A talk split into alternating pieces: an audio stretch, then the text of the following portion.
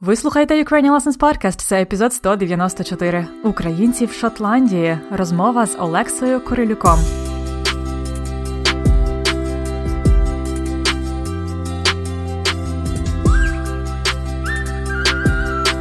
Привіт, це Анна. І ще один епізод подкасту Уроки української подкасту для всіх, хто вивчає і любить українську мову. Сьогодні на вас чекає наступне інтерв'ю нашої нової серії Українці за кордоном. Цього разу ми їдемо в Шотландію.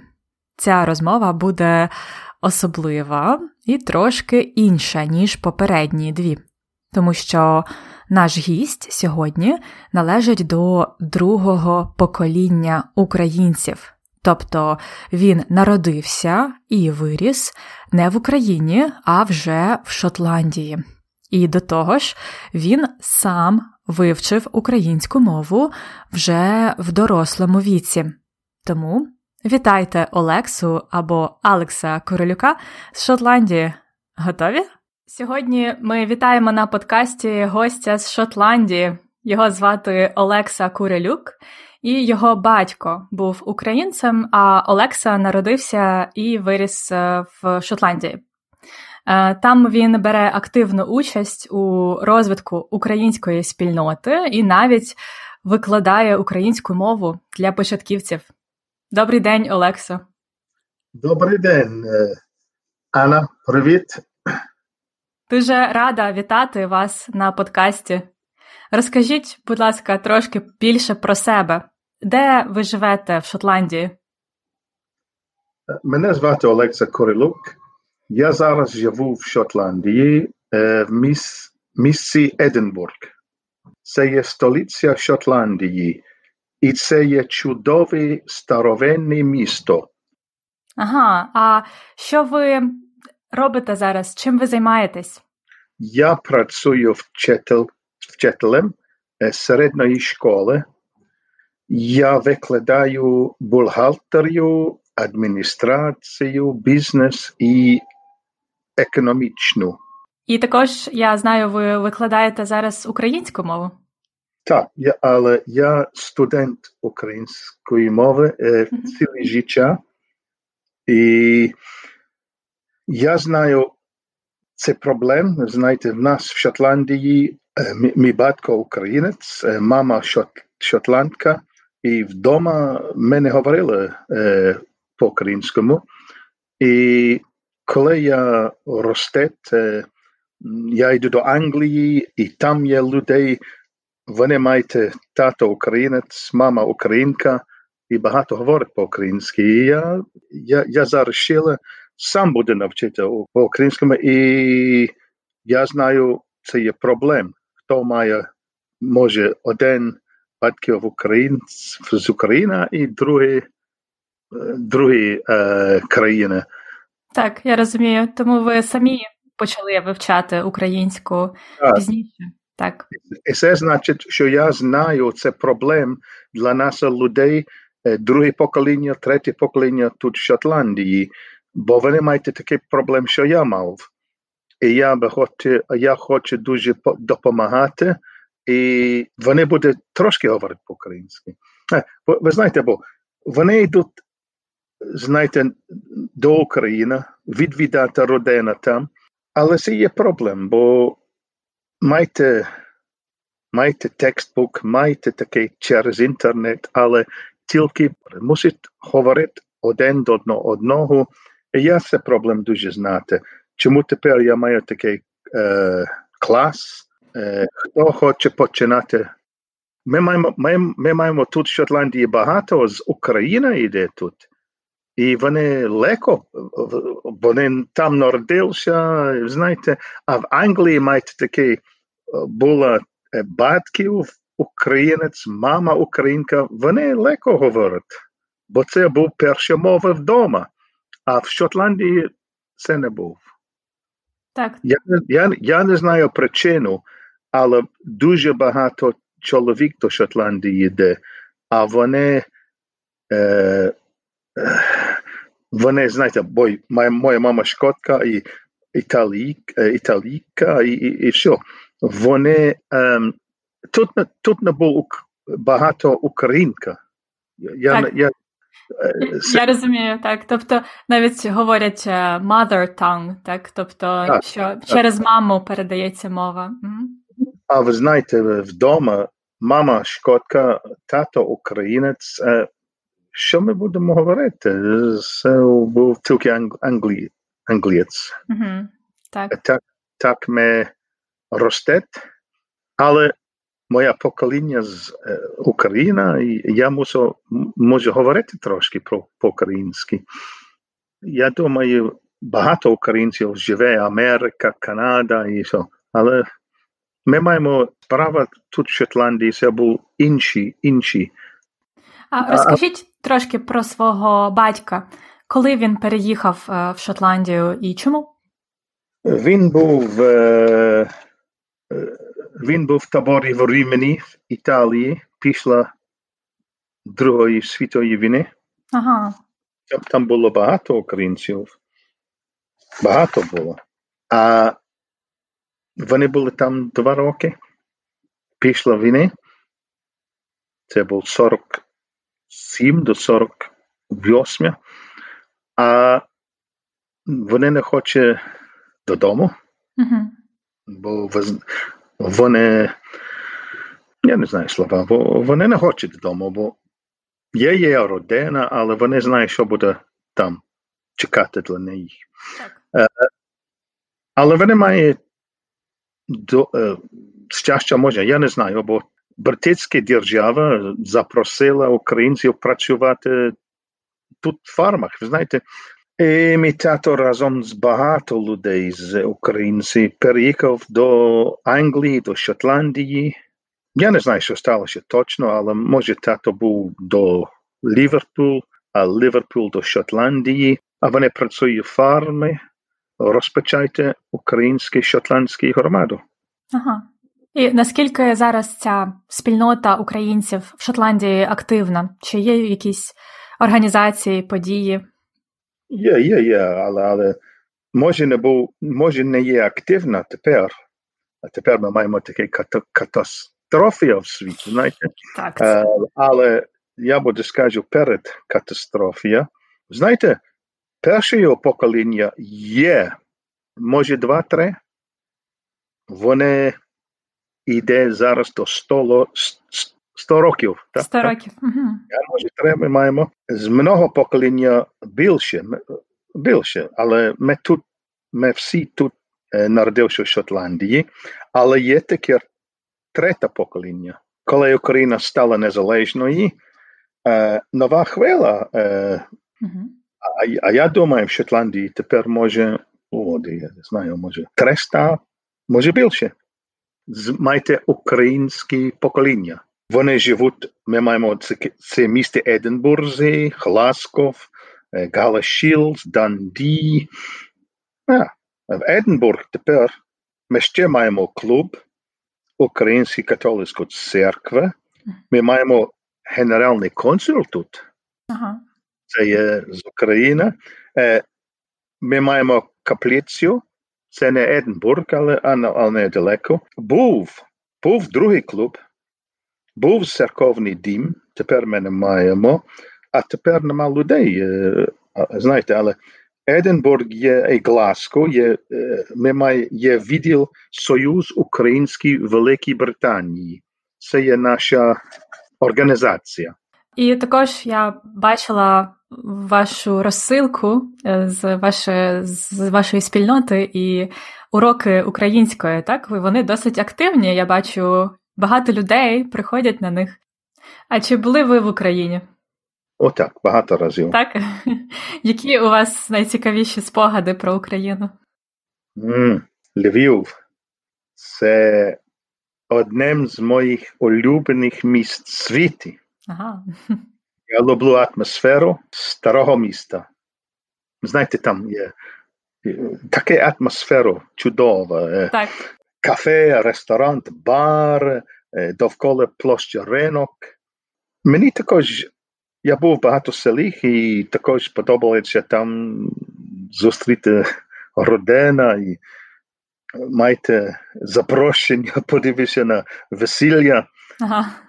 Може, три рази був, може, три-чотири рази був на весіллі в селі. Ого.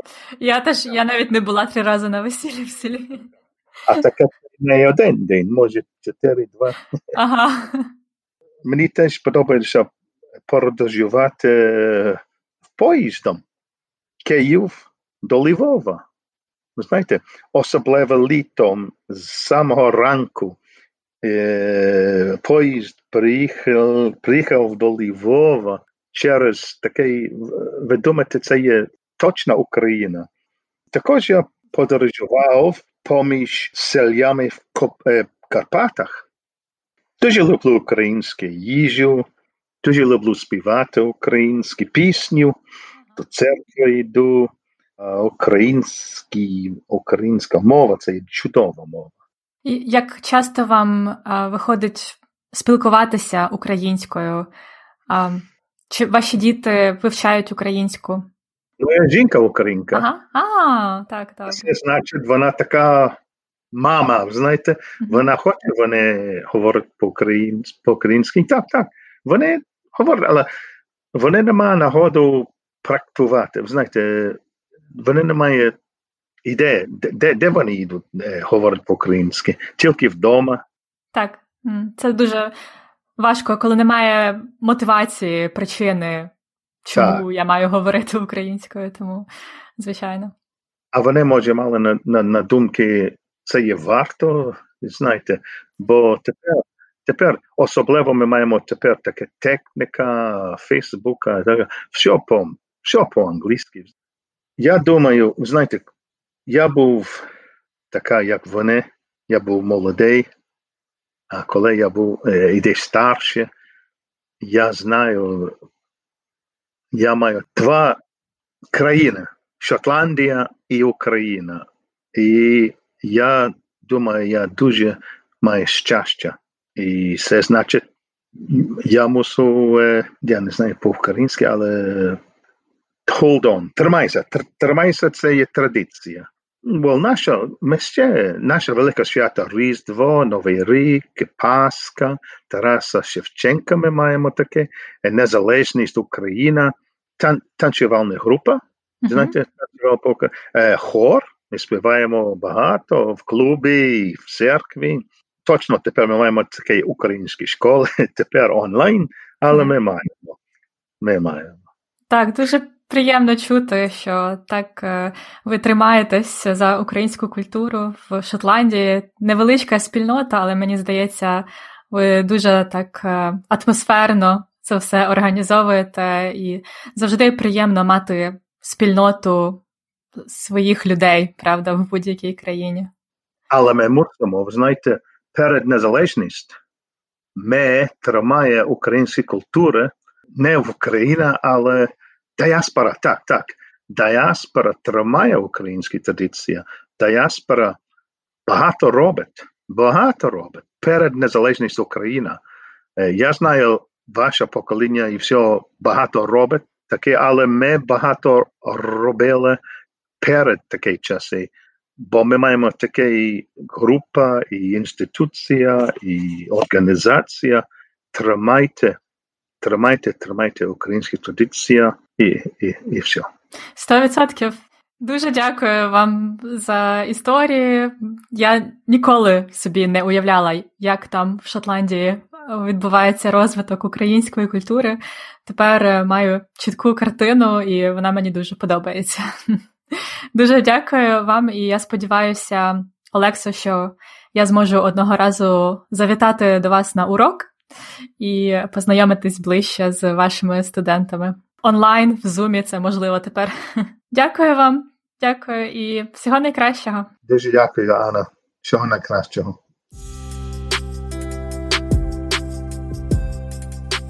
Десять корисних речень. Дуже класно чути, як Олекса сам вивчив українську мову, і він розмовляє нею, хоча не ідеально, але на дуже високому рівні. У конспекті уроку ми записали для вас його слова з невеличкими виправленнями.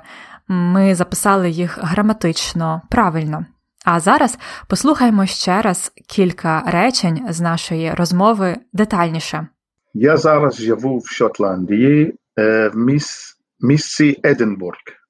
Це є столиця Шотландії, і це є чудове старовинне місто. Единбург це чудове старовинне місто. Старовинний це як старий, але можна сказати в позитивному значенні. Ми говоримо так про пам'ятки архітектури, міста, країни, наприклад, старовинна церква, старовинні традиції, які були дуже-дуже давно. Повторіть, це чудове старовинне місто. Далі Олекса розповідав про свою професію. Я викладаю бухгалтерію, адміністрацію, бізнес і економічну. Він викладає в школі, тобто він викладач або вчитель, він викладає бухгалтерію. Ми пишемо бухгалтерію, але говоримо бухгалтерію. Це accounting, бухгалтерія. Також він викладає адміністрацію, бізнес і економіку. Саме так краще сказати: економіка, економіку. Повторіть. Я викладаю бухгалтерію, адміністрацію, бізнес і економіку. Далі він говорить про свою сім'ю. Мій, мій батько українець, мама шот, шотландка, і вдома ми не говорили е, по-українському. Його батько українець, а мама шотландка. Пам'ятаємо, що національності часто закінчуються на ець у чоловічому роді і К в жіночому шотландець, шотландка, англієць, англійка. І вдома вони не говорили по-українському. Можна сказати, говорити по-українському, говорити по-українськи або говорити українською без по тоді. Всі ці варіанти правильні. Повторіть повне речення частинами. Мій батько українець, мама шотландка.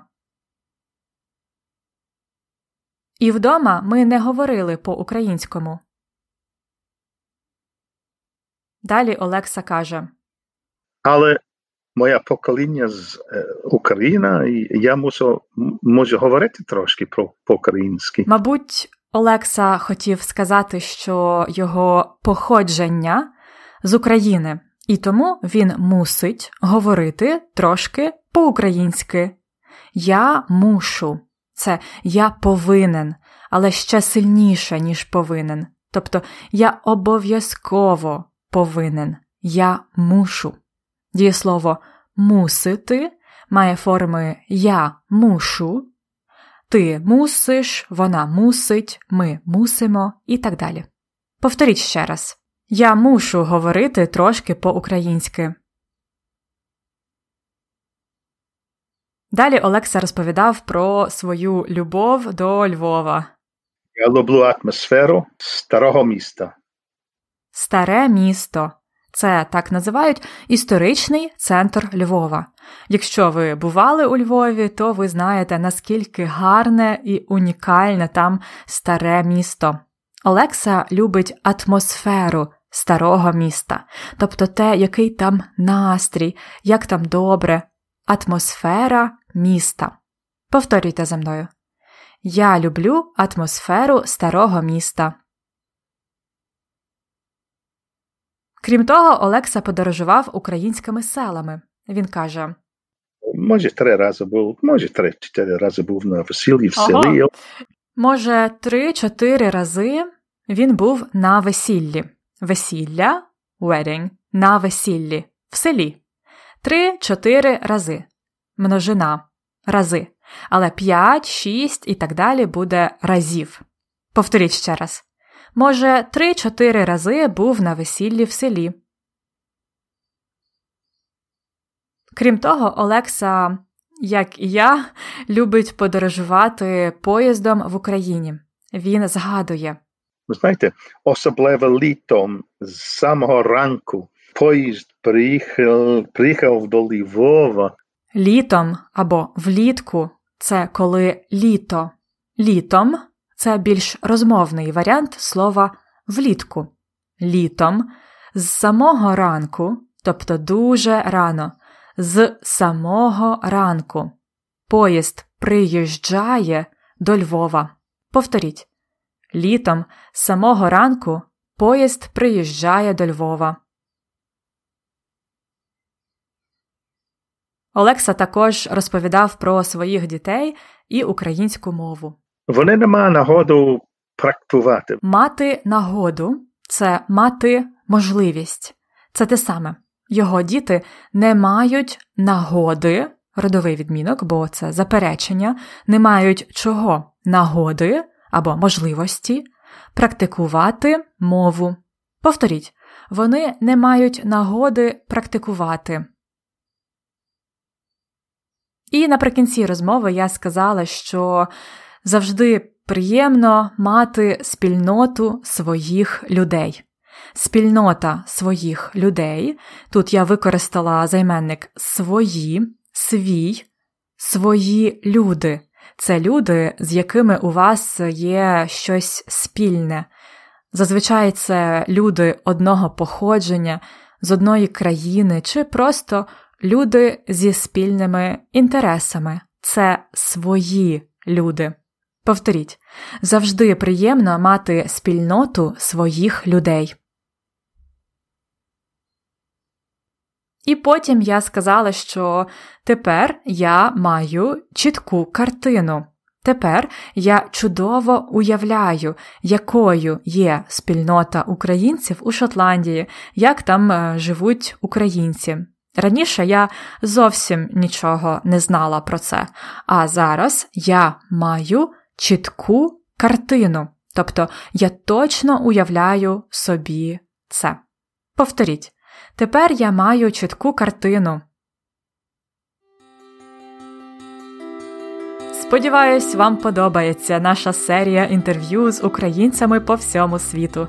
Наступного разу ще одна несподівана країна десь на далекому півдні.